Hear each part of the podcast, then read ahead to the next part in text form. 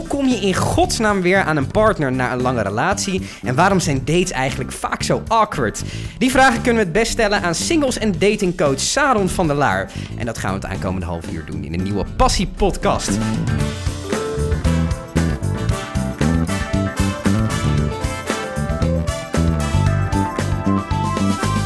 Saron, tof dat je er bent. Ja, leuk dat ik hier mag zijn. Je hebt een, eh, denk ik wel, tot een fantasiesprekend beroep, als ik dat maar zo mag zeggen. Ja, ik denk niet dat er veel mensen van school komen die zeggen van... nou, weet je wat ik word? Ik word matchmaker. En wa- wat was het punt dat jij dacht, dat ga ik doen? Ehm, heb je even? Nee, ja, we hebben een half uur, We dus een eh, half uur, maak er gebruik van go. op jouw manier. Oké. Ehm, nou, eigenlijk is dat pas zeer recent. Ehm, ik ben eh, van origine Mhm. ben ik ehm, een relatietherapeut. Of in ieder geval, ik heb toegepaste psychologie gestudeerd.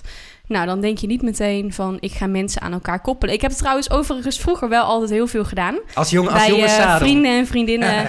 dat ik zei van, nou weet je, met wie jij eens eventjes eh, moet gaan... wat was het toen nog? MSN'en? Mhm. Anyway, ik heb, eh, daarna heb ik eigenlijk door mijn studie heb ik in het ziekenhuis gewerkt. Mhm. En ik ben er vrij snel achter gekomen dat de opgewekte, energieke Saron niet past op het deprimerende eh, neurologie. Mhm.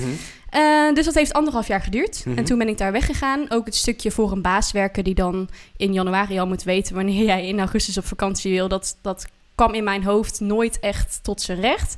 En toen dacht ik van, nou weet je wat ik ga doen? Ik ga voor mezelf beginnen, want ik, eh, ik vind het helemaal niks. Ik heb toen eigenlijk het geluk gehad dat ik toen iemand in mijn leven had die freelancer was. En die zei van, weet je wat jij moet gaan doen? Jij moet lekker je eigen van je hobby je beroep gaan maken. En dat was toen was dat styling. Mhm. Oh, iets heel anders Ja. eigenlijk. Ja, absoluut. Iets heel anders. Eh, heel creatief. Ik vond mode altijd heel fascinerend. En ik dacht, nou, daar ga ik iets mee doen. Eh, dat heb ik ook gedaan. Ehm, volgens mij bestaat dat bedrijfje nu sinds 2016. Eh, altijd heel veel plezier mee gehad, maar lang verhaal kort. Mhm. Ehm, toen ben ik eigenlijk op een business event ben ik eh, de eigenaar van een gereformeerd offline relatiebemiddelingsbureau tegengekomen. Ehm, en die zei van, ik heb eigenlijk iemand nodig als jij... Mhm. die eh, mijn klanten kan Ja. helpen als ze op date gaan. Mhm. Dat je ze gaat helpen met styling. En Mhm. toen dacht ik van, nou, dit lijkt me echt te gek. Ja. Dus- Ik, ik stond helemaal te springen. En toen heb ik eigenlijk binnen een week had ik mijn eerste klant. Daar Mhm. ben ik naartoe gegaan. En ik denk dat ik drie uur daar binnen ben geweest bij die, eh, bij die man. Waarvan we misschien een kwartier zijn kledingkast hebben gedaan. ja. En eigenlijk toen nog eh, uren hebben zitten, zitten praten met een wijntje erbij. En uiteindelijk dat ik daar weg ben gegaan. En dat ik vervolgens door mijn baas toen werd gebeld. En dat ik dacht, oh, wat heb ik fout gedaan? ja. Jij dacht, Ik- ik heb niet genoeg Ik gesteld. denk, nou, en dan heb ik daar even twee uur wijn Ja, zitten zuipen en dan is En het dan weer niet krijg goed. ik nu voor op mijn flikker. Precies, maar hij belde en hij zei van, nou, ik weet niet wat jij daar hebt gedaan. Mhm. Maar hij- de klant die heeft hem dus gebeld met van, nou, dat meisje, zij gaat mijn match vinden, niet jij. Oh, wauw. Maar dat is ook voor je baas dan wel confronterend of zo. Ja, nou ja, ik ben heel blij dat hij het een soort van niet persoonlijk opnam. Eh, maar hij heeft me eigenlijk direct naar kantoor geroepen de dag erna. Van nou, kom jij maar eens eventjes mij helpen dan. Ja, laat maar En zien toen, dan wat eh, je kan. Ja, precies. Toen ben ik door zijn hele database heen gescrolld. En toen Mhm. zag ik een dame staan. Toen zei ik van nou, dat is eigenlijk echt wel een catch. Mhm. Maar omdat hij bepaalde wensen had dat de vrouw zoveel jaren jonger moest zijn... was Ja. mijn baas eigenlijk niet opgekomen om hun aan elkaar te koppelen. Mhm. Maar in die twee uur had ik al lang die belemmerende overtuiging van... ik wil echt een hele jonge vrouw, had ik al lang van tafel geveegd. Ik Want dat zei, wilde nou, die eigenlijk Ja, niet. dat wilde die.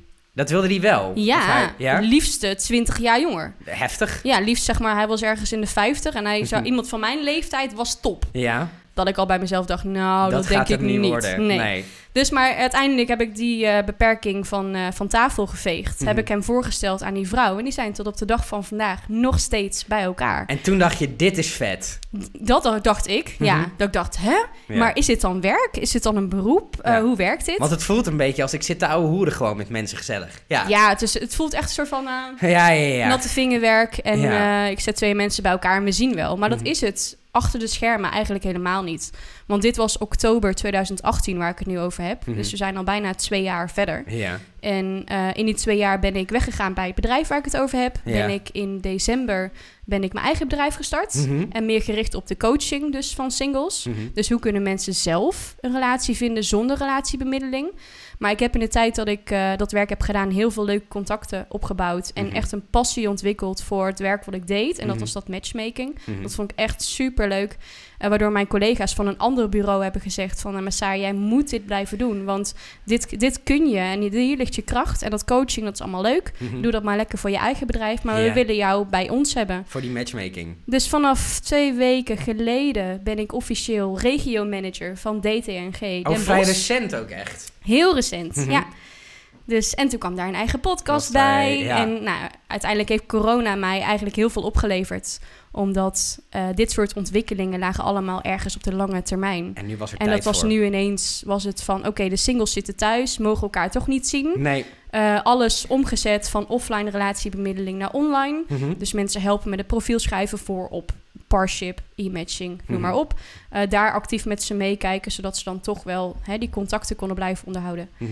Nou ja, en nu zitten we hier. Waarom denk je dat je hier van nature goed in bent? Want als je zo'n eerste gesprek zonder ervaring daarin en dan maak je een match, dat, ik denk dat dat best wel bijzonder is. Ja, zeker. Is dat die, die geschiedenis in die neu- neurologische wetenschappen? Dat je dan toch mensen aanvoelt? Of... Nee, dat is echt een gevoel en dat kan ik niet uitleggen. Ik Mhm. heb, eh, ehm, nou ja, wat ik al zei, vroeger bij vrienden en vriendinnen heb ik het ook Mhm. gedaan.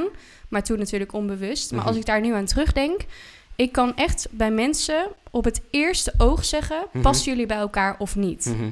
Dat is natuurlijk heel oppervlakkig, want dat is alleen gebaseerd op het uiterlijk. Mhm. Maar 9 van de 10 keer klopt is het, het, wel, wel. zo? En wat is dat dan, denk je? Wat, je dan, wat zie je dan? Is dat dan een soort van deze mensen zitten een beetje op hetzelfde niveau? Hoe zie je dat? Ja, ik zie het altijd en dat klinkt heel hard en zo bedoel ik het helemaal niet. Maar Mhm. ieder heeft een paar kaarten. Ja. Hè, dat, dat, zijn, dat is je leven. Mhm. De een heeft heel veel azen, dan ben je een Angelina Jolie of zo bijvoorbeeld. Ja. En de ander heeft wat zeventjes en achtjes. Ja. Weet je? En ik zoek letterlijk daarin de paar kaarten bij elkaar. Mhm. Dus hè, wat voor persoon ben jij, maar vooral ook van waar kom je vandaan? Wat vind je belangrijk? Wat, vind- wat, wat doe je nu? Wat drijft je? Eh, en nou, daarvoor moet je dus wel echt serieus met iemand gaan praten om erachter te komen. En dat is ook eigenlijk 99% van waar mijn werk van bestaat. Naar boven krijgen wat de waarden zijn. En wat... Ja. Moeten die waarden gelijk zijn of moeten die juist Nee. verschillend zijn? Eh, perfect in balans. En dat klinkt echt heel... Dat is heel, eh, ja, verschrikkelijk Ja, man. Maar het is wel echt zo. Haha. Ehm, ik zie het altijd als een beetje, eh, net als vroeger op school. Mhm. Dat je ook overging wanneer je voor Nederlands een 5 haalde en voor aardrijkskunde een 8. Mhm. Dus je hoeft niet op alles een 10 te scoren. Ja. Je, het moet goed in balans zijn. Ja. En je moet heel goed van jezelf weten eh, waar jouw eigen tekortkomingen liggen. Mhm. Dus bijvoorbeeld- bijvoorbeeld als ik naar mezelf kijk, ik weet dat ik vanuit mijn jeugd bijvoorbeeld heel veel ehm, bevestiging heb gemist Mhm. in, mijn, in, mijn, in mijn opvoeding. Mhm. Dus wat ik doe, is dat ik dat heel vaak ga zoeken in Mhm. mijn partner. Maar dat moet je dus juist niet doen. Mhm. Waar moet je dat dan in zoeken? In jezelf. Ah, En als je daar zelf heel bewust van bent en je gaat dan uiteindelijk iemand vinden die jou dat uit eh, pure natuur eigenlijk ook geeft, dan vind je een goede match. maar als het een soort van nodig is, dan gaat het verkeerd, zeg Ja. Waarom gaat het dan verkeerd? Nou ja, ehm, dan krijg je een beetje van, maar, maar vind, je, vind je me wel leuk? Ja, ja, En dat je iedere dag een appje krijgt, maar waarom wil je me niet zien? Mhm. En dat, dat je dan op, als, als date of als partner op een gegeven moment denkt van... "Oh, gaan we weer? Ja, moet ik het je blijven uitleggen? Mhm. En daar gaat het uiteindelijk mis. En dan krijg je frictie, want de ander die begrijpt dat niet. Mhm. Nou, daar kun je, kan ik een heel boek over schrijven. Mannen en vrouwen begrijpen elkaar toch ook helemaal niet? nee, ja, mannen komen van Mars en vrouwen komen van Venus. En zo is het ook echt. Mhm. Alleen is het tegenwoordig wel zo dat je ook hele mannelijke vrouwen hebt en hele vrouwelijke mannen. Mhm. Maakt dat het makkelijker of juist alleen maar moeilijker? Moeilijker. Ja.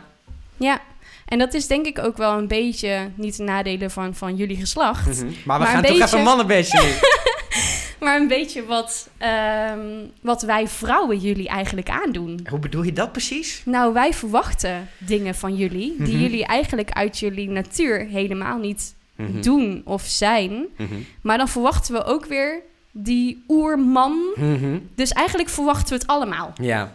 En dat kan niet. Nee, En dat gaat mis. ja. Waarom is het zo? Waarom was het vroeger zo? Was het vroeger makkelijker? Ja. Ja. Ja. Onze ouders hebben het veel makkelijker gehad daarin dan wij. Nou, onze ouders hadden gewoon een hele andere manier van, van hoe je in een relatie stond. Mhm. Als ik kijk naar allemaal mijn opa's en oma's, ik ben gods gezegend dat ik ze alle vier nog heb. Mhm. Ze zijn ook alle vier 60 jaar getrouwd. Ja. En dat is iets wat je nu niet meer tegenkomt. Mhm. En mijn opa is letterlijk mijn oma tegengekomen bij een brand. Ja. Omdat een huis in het dorpje waar zij woonden, allebei, daar stond een huis in de fik. Mhm. Nou, wat deed je vroeger? Dan ging je daar kijken. En daar Ja. is hij mijn oma tegengekomen. Ja, en dan bleef je gewoon samen voor En dan bleef je leven. samen. Ja. Maar zij werken ook echt er naartoe om dat te onderhouden. Ja. En ik denk wel, anno 2020, Mhm. helaas, dat heel veel mensen toch wanneer het even wat minder gaat... Ja, het, het, de verleiding is zo groot en Mhm. ligt echt om de hoek. Mhm. We zijn ook veel meer bezig met onze eigen ontwikkeling. Ja. Waarin we soms vergeten dat de partner daar niet altijd in mee kan komen. Mhm. En dat het heel belangrijk is om diegene daar wel in mee te krijgen. Of in ieder geval dan af te stemmen van in hoeverre vind ik dat belangrijk. Als de een bezig is met zijn eigen ontwikkeling en de ander niet, dan houdt het toch op? Ehm, dan houdt het niet per se meteen op, maar het wordt wel lastig. Ja. Ik ben zelf naar Tony Robbins geweest een aantal jaar geleden. Ja. En ik heb dat toen gelukkig met mijn inmiddels ex-vriend mogen doen. Mhm. Ik weet wel zeker dat als één van de twee was gegaan, dan was die relatie eerder over geweest. Ja? Ja, want dan hadden wij elkaar niet meer begrepen. Mhm. En dan hadden we, hadden we totaal op een andere bladzijde gezeten. Ja. Ja. Is het misschien ook niet goed dat we gewoon wat sneller uit elkaar gaan? Dat, dat we Eh. denken, nou, dit is het. Ik denk, als je nu soms kijkt naar eh, oudere mensen ehm, die maar bij elkaar zijn gebleven en wiens relatie op hun zestigste is dat de ene krant zit te lezen en de ander en daar communicatie gewoon nul is, dat het misschien ook wel goed is dat we wat sneller uit elkaar gaan. Nou, ben ik niet met je eens. D- Dan mag Want je uitleggen ik, waarom. Ik kan heel erg van dat soort mensen genieten. Maar Als zijn ik- niet echt meer samen. Jawel. Zij zijn zo echt samen Mhm. dat zij zo zichzelf kunnen zijn dat het ze echt niet uitmaakt dat zij misschien een uur niks tegen elkaar te zeggen hebben. Mhm. En dat is helemaal prima. Mhm. Heb je er wel eens aan gedacht om je Instagram weg te gooien? Ja, En waarom heb je dat niet gedaan? omdat ik dan misschien toch te nieuwsgierig ben En wat er allemaal gebeurt. Ja. Ja, Zou ja, het en- veel uitmaken, denk je? Je krijgt zoveel impulsen van Instagram. Ja, ja. Van Facebook, van Ehm, Twitter. Jeetje, dit is even een hele ommekeer. Heel goed. Jullie trekken mij uit mijn comfortzone, jongens. Heel goed. Dat doe jij ook bij je klanten als het goed is. Ja, Dus dat klopt. eh, heel- Dat klopt. Ja, nee. Ehm, ik heb erover nagedacht. En dat is echt in een tijd geweest waarin ik heel actief zelf was op Instagram. Mhm. Dat ik echt dacht, ik, ik, ik raakte eigenlijk in een soort van social media burn-out. Mhm. Ik moet maar iedere dag posten en ik moet me alles van mijn leven laten zien. Mhm. Ik heb ook eh, gevlogd. Nou, dat hebben jullie ook gezien. Dat heb ik op een gegeven moment ook gestopt. Gewoon puur met het idee van ja, maar ik wil gewoon mijn leven leven. Mhm. En niet iedereen hoeft daar maar iedere minuut van te volgen. En ik hoef ook niet het gevoel te hebben dat iedereen dat wil of moet of kan. Mhm. En ehm, dat is eigenlijk ook, want ik heb mijn Instagram bijvoorbeeld, daar ben ik heel lang ook heel actief mee geweest. Iedere dag posten, foto's maken, samenwerkingen, Mhm. groeien, groeien, groeien. Ik wil per se die 10.000 volgers halen. Nou, ik Voor zit je nu op.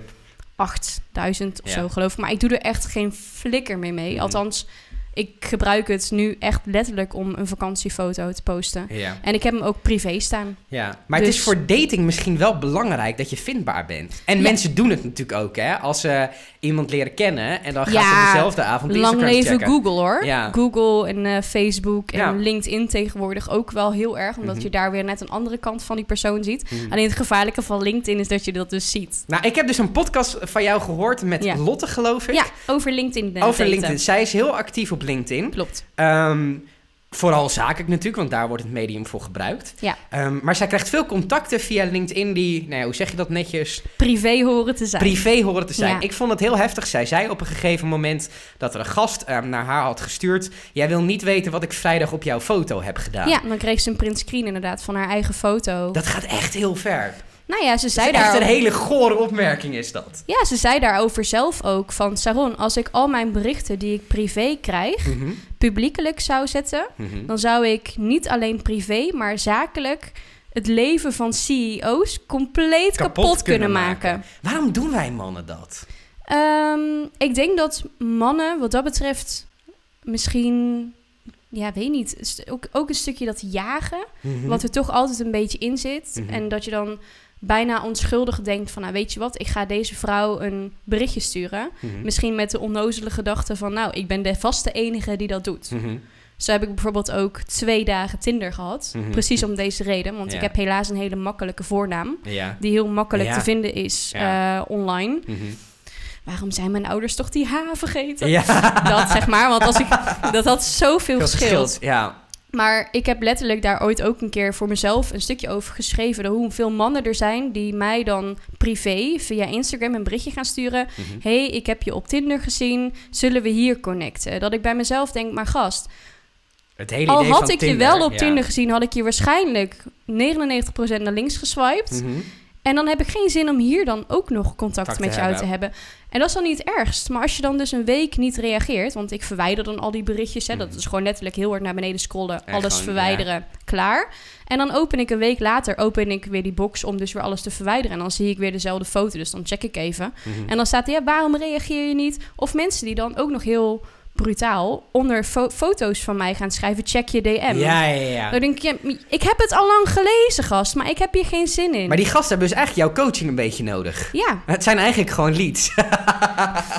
Ja, maar dat, dat is het mooie. Al dat soort mensen lachen mij dan ook soms bijna uit aan hetgeen wat ik doe. Van, Mhm. oh, je bent eh singles coach. Mag ik dan ook met jou op date? ja, ja, maar dat denk, krijg je natuurlijk wel. Ja, heel En- veel. Maar zeg je dan niet van, joh, kom een keer een sessie bij me afnemen? Nee? Nee, want dat wil je, dat, dat wordt dan Nee, lastig. dat is gewoon tijdverspilling. Ja, want dat doen ze niet. Nee. Nee. Nee, en dat zijn ook niet de mensen die ik wil hebben. Wat zijn de problemen waar mensen mee bij jou komen? Waar, waar ze bij mij meekomen. Ja, dus... Ehm, ik denk dat dat over het algemeen is dat ze echt op zoek zijn naar een serieuze relatie. En dat ze eh, online eigenlijk alles al wel hebben geprobeerd. Maar gewoon dat diegene daar nog niet tussen heeft gezeten. Of dat Mhm. ze ehm, hoofd zijn van een groot bedrijf. En Mhm. niet hun eigen collega's of, of klanten willen tegenkomen. ja. Ehm, en mensen die gewoon zeggen van... Hey, weet je, ik kan ook naar de sportschool gaan... en aan gewichten trekken om een doel te behalen. Maar ik kan ook iemand vragen om daar met me mee te kijken. En dan doe ik op liefdesgebied doe ik dat ook. Dus ik neem het gewoon serieus. Ja. En heel veel mensen die het tegenwoordig ook oprecht leuk vinden. Ik bedoel, Mhm. ik kom net voordat ik hier naar jullie toe ging... kwam ik ook van een klant af die het gewoon heel leuk vindt... om eens in de zoveel tijd met mij koffie te drinken... om het te hebben over zijn dateleven. En dan krijgt hij van mij weer een nieuwe profiel doorgestuurd... Die mij interessant lijkt voor hem. En dan Ja. je bent continu bezig. Zeg, met, met liefde. Dus je, je gooit ook eigenlijk het universum in van... ik ben er klaar voor, Mhm. laat haar of hem maar komen. Mhm. En op deze manier lukt het dan hopelijk iets sneller. En ik heb vorige week nog een berichtje gekregen van, een, van mijn collega... slash de eigenaresse in ieder geval van Mhm. DTNG... dat er weer een DTNG baby Er aankomt. komt, dat is en leuk dat, om te horen. dat soort dingen, Ja. dat maakt gewoon echt super blij. Dat, is, dat kan ik niet uitleggen. Er Toch- is echt niks mooiers. Toch denk ik wat je zegt, mensen die op zoek zijn bijvoorbeeld naar een serieuze relatie. Eh, ik noem dat zelf altijd een beetje het Ted Mosby effect. Dat ehm, je, je bent op zoek. Eh, da, da, ik heb toch het gevoel dat je dan met 1-0 achter staat omdat je te desperate overkomt of te graag wil en dat dat eigenlijk nooit aantrekkelijk wordt gevonden. Ja en nee. Mhm. Ik zie het altijd alsof je de autosleutels kwijt bent van je auto... Mhm. op precies op het moment dat je moet gaan. Mhm. Dat is denk ik wat jij bedoelt. Dat lukt niet. Je Mhm. bent al zo gefocust op iets. En hetgeen wat wij doen, is dat we diegene eigenlijk zeggen van... nou, hè, die autosleutels, die hangen daar. Maar moet je nou echt met de auto? Ja, Of is er ook nog een alternatief? ja. En ehm, vooral ook eigenlijk van... Hè, wa- waar ben jij nou naar op zoek? Maar meer, wat heb je nodig? Mhm. Want mensen zijn vaak heel gefocust op hetgeen wat ze willen hebben. Mhm. Maar check iedere Disney-film.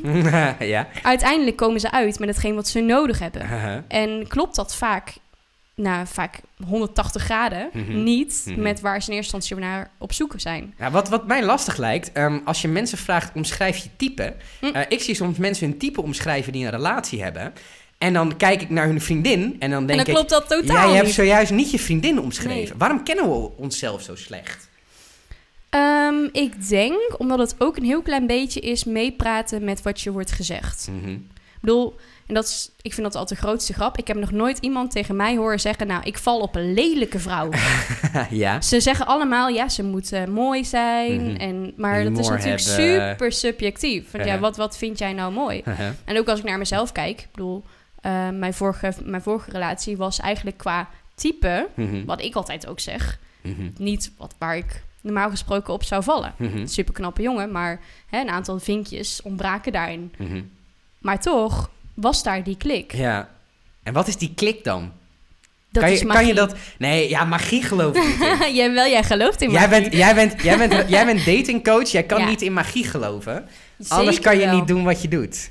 Nou, juist wel, denk ik. Spreek me dan tegen. Wat, Ja. wat, wat, wat is die magie dan? Want ook dat moet een soort kwantificeerbaar zijn, denk ik. Nou ja, ik zou zeggen, je hebt zelf een vriendin. Jij weet wat die magie is. Je hebt haar ook ooit gezien en bij jezelf gedacht van... Ik weet niet wat dit is, ik kan dit niet uitleggen. Mhm. Maar het, het klopt en eh, er doet iets met me. En mijn, mijn lijf dus- doet raar en mijn hoofd. En ik denk alleen maar aan je. Mhm. Dus er zit iets onkwantificeerbaars in, Ja, zeker. Nee, absoluut. wel iets. Maar er zit ook wel, er zijn ook bepaalde karaktereigenschappen in haar. Eh, wat ik, ik heb tegengas nodig, ik heb een eigenwijze chick nodig, want ik, ik ga anders best hard. Ja?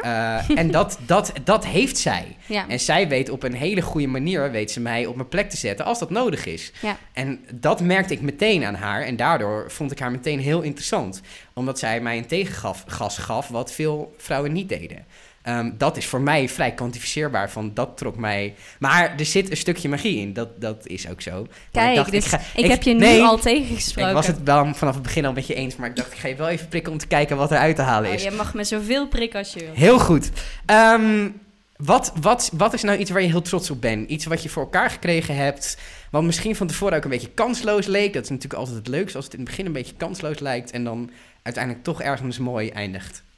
Ik denk dat ik heel erg trots ben op het feit dat ik hier pas twee jaar geleden mee ben gestart. Mhm. En dat ik pas, pas al 29 ben. Mhm. En hier al ja, zoveel uit heb gehaald. Mhm. Dat ik word door mijn collega's en door klanten echt wordt gezien als hè, de persoon waar je naartoe moet. Mhm. Eh, dat mensen mij bij hun bedrijf willen betrekken. En dat ze uitgaan van mijn visie en van mijn professie hierin. En dat ik dan wel eens af en toe mezelf moet knijpen van... Dit gebeurt echt. hoe ben ik pas 29 en hoe Mhm. doe ik dit allemaal? Hoe heb ik twee eigen bedrijven? Ben ik regio-manager van een ander bedrijf? En is dit niet iets waarvoor ik heb geleerd? Mhm. Althans, niet direct. Mhm. Natuurlijk, omdat je hier is geen nog... Misschien, is, misschien komt dat nog wel. Nee, er komt voor alles komt een studie. Ja, precies. Ja. Maar hier is dus nog geen opleiding voor. Dit is Nee. iets wat je echt vanuit je hart en ziel... en vooral heel veel tijd en Ja. heel veel passie en heel veel liefde doet.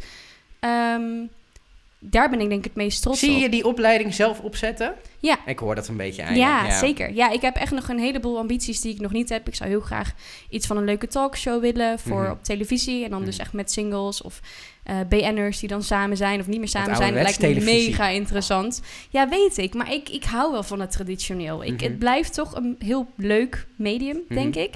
Maar ook zeker een opleiding tot matchmaker Mhm. lijkt mij echt fantastisch. Want ik hoor zoveel mensen ook om me heen die zeggen van... Nou, wat jij doet, ik, het lijkt me zo te gek om te doen. Mhm. En het is ook echt zo. Het maakt je echt iedere dag gewoon super blij als je weer een berichtje krijgt dat iemand een hele leuke date heeft gehad. En op tweede of derde, of misschien wel gaat trouwen, Mhm. eh, kinderen krijgt. En dat je dan ja, toch ergens bij jezelf denkt van jeetje, die Ja. eerste stap, die heb ik gezet. Ja. En dit is het resultaat. Ja. En mensen maak je gewoon echt op de meest intense manier gelukkig. ja. Heb je nog wat aan die neurologische wetenschap? Absoluut. Nou ja, neurologie was natuurlijk maar een onderdeel. Mhm.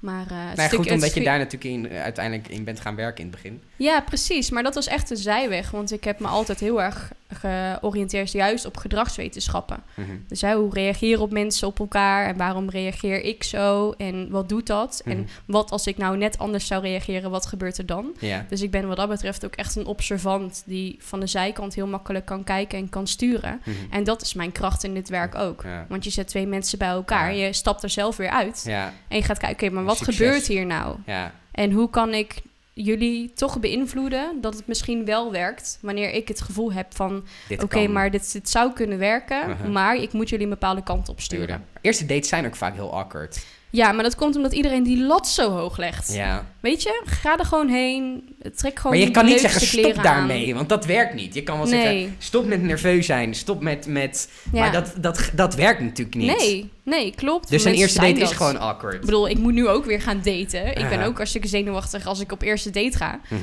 En meer dat ik dan, dan tegen mezelf in de auto zet... Oké, Saar, ga nou maar gewoon eens ervaren. Ga niet nadenken. Ga niet die Mhm. hele studie en werk en alles erbij halen. Ja, dat is natuurlijk ook bij jou gezeik, want je, je bent de hele dag daarmee bezig. Ja. En misschien dat je ook wel een soort van prestatiedruk voelt als je zelf op een date gaat. Ondanks dat je dat misschien niet met je klanten bespreekt. Ja, vooral van de buitenkant. Hoe bedoel je dat? Dat je op Instagram post, eh, ik ga nu een date hebben? Of hoe bedoel je dat? Nee, want ik post dat Heel goed, helemaal heel niet op. Instagram zelfs. Maar En ik heb het er ook niet met klanten over. Maar ik bedoel meer dat als je dan met iemand op date gaat die dus weet van... Oké, zij is dat van beroep. dan? Mhm, Dat, de Dat ze bijna alsof ze met een coureur in een auto stappen. Ja, ja. Maar dat is helemaal niet, want ik ben een beetje, zo vergelijk ik het altijd, de timmerman van mijn eigen huis. Mhm. Dat huis is ook nooit af. Nee. Terwijl ze het bij iemand anders weten ze het zo goed. Maar zelf, ja, Je kan ook nog meta toch een beetje aanbeunen. Je kan ook nog metaforencoach worden als je daar... Ja. Ik heb een paar mooie Ze noemen mij ook komen. altijd koningin metafoor. Heel goed. Heel goed. Ja, dat klopt. Je, we hadden het al in het begin al heel even over die podcast die je aan het maken bent. Ja. Dat vind ik natuurlijk bovenmatig interessant. Ja. je hebt een podcast gemaakt met je ex. Ja, klopt. Hoe was dat? Te gek. Ja? Ja. Eh, we hebben hem opgenomen als pilot. Mhm. Eh, mijn ex eh, is tevens ook podcastproducent. Het is een Dus- concurrent van ons. Oeh, nou ja, misschien is keer- een hele keer- leuke we moeten sowieso een samenwerking keer bier in. gaan drinken dan. Ja, zeker. Nee, hij is eh, ook echt sinds kort zijn eigen bedrijf hierin begonnen. En dat, eh, ik ben een soort van proefkonijn dan Mhm. eigenlijk voor hem. Mhm. Eh, hij heeft echt heel lang geroepen, jij moet iets met podcast gaan doen. Mhm. En ik heb dat eigenlijk heel lang afgehouden met, ja, wat, wat moet ik daar gaan vertellen? Terwijl ik het wel heel leuk vind om te kletsen. Dat hebben jullie inmiddels denk ik ook wel gemerkt. Ehm, en ik dat denk ik ook wel redelijk kan. En toen kwam corona. En toen was het van, ja, ik zit nu toch thuis. Dus laten we een podcast gaan maken. Let's do this shit. En toen zijn jullie het samen gaan doen. Ja, en dat was eigenlijk een pilot. Mhm. Zoals je ook hebt kunnen horen in de podcast, was op het moment dat we hem opnamen Mhm. de vraag van gaan we hem uitbrengen of niet. Ja. Het was meer een uittest van hè, wat, vind, wat vind ik ervan, hoe doe ik het, Ehm, vind ik het leuk of niet, werkt het, slaat het aan Mhm. Ehm, en dingen uitproberen natuurlijk, hè, dat, dat kennen jullie vast ook wel.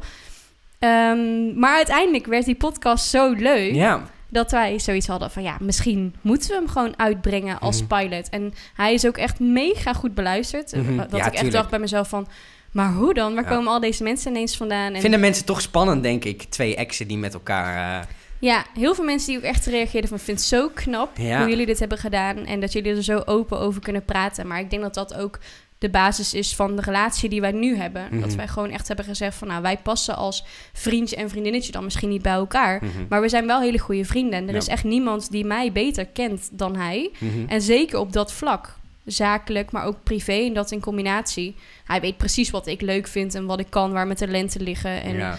eh, hij heeft gewoon gezegd van, nou, ga dit do doen. it, ja. Vragen klanten dat dan ook aan jou? Van, ik heb de podcast gehoord met je ex. Eh, teach me. Hoe kan ik zo met mijn ex omgaan? Want wij hebben alleen maar ruzie. Nee, nee. Het enige wat... we- Ik krijg een aantal dingen dan terug natuurlijk van... Oké, maar je denkt zo dus over online daten. Of je denkt zo... Mhm. dat Ik denk, oh ja, dit heb ik ook tussen neus en lippen gezegd. Misschien moet ik hier gewoon de volgende keer iets uitkijken. meer over nadenken. Eh, maar ik sta achter alles wat ik heb gezegd. Dus dan kan ik het vaak ook wel uitleggen. Mhm. Ehm, maar ja, weet je, mijn visie in relaties en daten staat natuurlijk niet altijd gelijk aan eh, hoe ik met een klant omga. Mhm. Je kan natuurlijk tegen je klant niet altijd alles zeggen. Nee. En ehm, ja, dat kan in de podcast wel. Hoe, hoe ga je ermee om dat liefde eigenlijk zo'n vaag onderwerp is? Het is? Je noemde het net al een beetje wetenschappelijk totaal niet kwantificeerbaar. Mhm. Hoe dat nou werkt. Maar je, je, moet, je moet daar wel van alles mee. Je zegt, ik kan dit. Ik ben daar ervaringsdeskundige op. Maar het is een heel subjectief, vaag onderwerp. Hoe, hoe deal je daarmee? Wat een Ik zie, goede de, vraag. ik zie de schouders omhoog gaan. Ja, hoe deal ik daarmee? Ik, ik, de- ja, ik denk zoals jullie. Mhm. En hoe gaan wij ermee om dan? Ja, dat weet ik niet. maar ik weet het dus van mezelf ook, ook niet. niet. Nee. Want je moet, je moet wel goede adviezen kunnen geven. Ja. En terwijl het soms ook vaag is. En iedereen werkt anders. Ja. Eh, liefde werkt soms heel weird. Het is, ik denk, een heel groot stuk intuïtie. Ehm, ik kan heel veel dingen aanvoelen en ik kan ze daarin ook goed verwoorden. Mhm. Ik ben ook altijd bijvoorbeeld degene dat als mijn zusje liefdesverdriet heeft, dan belt ze mij eh, en de stroom gaat uit. Ja, nee, je kan door, gewoon doorpraten. Oh, kunnen we doorpraten? Ja. De Er lampen sens- gaan ervan Er uit. zit een sensor op die lamp. Die gaat... Ah. ehm, Ik denk al van, nou, het wordt nog spannend nee, nee, in nee, deze nee. podcast. Het is al een red room. het is verschrikkelijk. Maar goed, je zusje. Ja, nou ja, weet je, iedereen komt altijd naar mij toe voor, voor Ja, liefdesadvies of liefdesverdriet. En heel eerlijk, Mhm. soms zeg ik dan ook dingen waarvan ik achteraf bij mezelf denk van... Mhm. Saar, Ja, wat heb je je bent gezegd? briljant! Oh, Maar hoe kwam dit er ooit uit? Ja. En dat kan ik niet uitleggen, maar dat heb ik dus in mijn werk ook. Dan, Mhm. dan stap ik dus uit die situatie en dan Mhm. ga ik het van buiten bekijken. Ja, En dan zie ik gewoon de, de dots, zeg Ja. maar. En die ga ik met elkaar connecten. En dan 9 van de 10 keer klopt het wel. klopt het wel. Ja. En op een gegeven moment leer je het ook. Ja. Weet je, dat is ook een vak waarin je groeit. Mhm. En ik heb natuurlijk heel veel geluk Mhm. tussen haakjes gehad bij die eerste match, waar ik eigenlijk naartoe ging voor de styling. Ja. Uh, maar daarna je groeit erin. En op Mhm. een gegeven moment leer je ook wat dit werk is. En ehm, dat mensen jou ook echt moeten gaan zien als de ervaringsdeskundige en in jou vertrouwen. Ja. En dat je ook tegen je klant kan zeggen: Je hebt voor mij betaald omdat jij ervan uitgaat dat ik mijn werk goed doe. Mhm. Heb daar dan vertrouwen in. En, ja. En ga ervoor. en ga ervoor. Ja. Waar sta je over vijf jaar? Ehm, ik wil sowieso heel graag eh, wat meer internationaal ook dingen gaan doen. Mhm. Ik heb gemerkt dat door corona dat ik dat digital nomad-achtig idee Oh ja. heerlijk vind. Ja, Dat ik gewoon mijn laptop ergens mee naartoe kan nemen. En, en een eh, Zoom-call met je klanten. dingen aan kan, eh, kan sturen. Ik vind wel de fysieke afspraken nog Belangrijk, steeds het ja. allerleukst om te Mhm. doen. Ehm, maar een beetje die combinatie. Ik denk dat ehm, ik wil sowieso wat, wat mijn eigen bedrijf wat groter maken. Dus mijn coachingsbedrijf. Mhm. Dat ik eventueel wat mensen heb die dat eh, samen met mij of voor mij, of hoe je dat dan ook wil zien, gaan doen. Ehm nou, DTNG Den Bosch is dan natuurlijk gewoon huge. Mhm. En daar werken ook gewoon een heleboel mensen nog eh, samen met mij. Mhm. Dus dat ik wat meer dingen uit handen kan geven. Geven. Het, het, het kost me nu heel veel tijd en dat vind ik super leuk. Mhm. Maar ik heb nog geen gezin en dat is wel natuurlijk Dat de droom prima, uiteindelijk ja. privé voor later. Maar dat betekent wel dat ik daarin ook ja, iets minder wel, ja. ga werken. En ja. ja, inderdaad wat meer internationaal misschien. Dus lekker vliegtuigje pakken, weer naar de States als het mag. Nou, laten we hopen over vijf jaar Laten wel. we hopen dat het over vijf jaar Ja, er wel weer dus in dat is, wel, dat is wel zeker de droom. Ja. Ja. Saron, dankjewel. Heel graag gedaan. Dank jullie wel.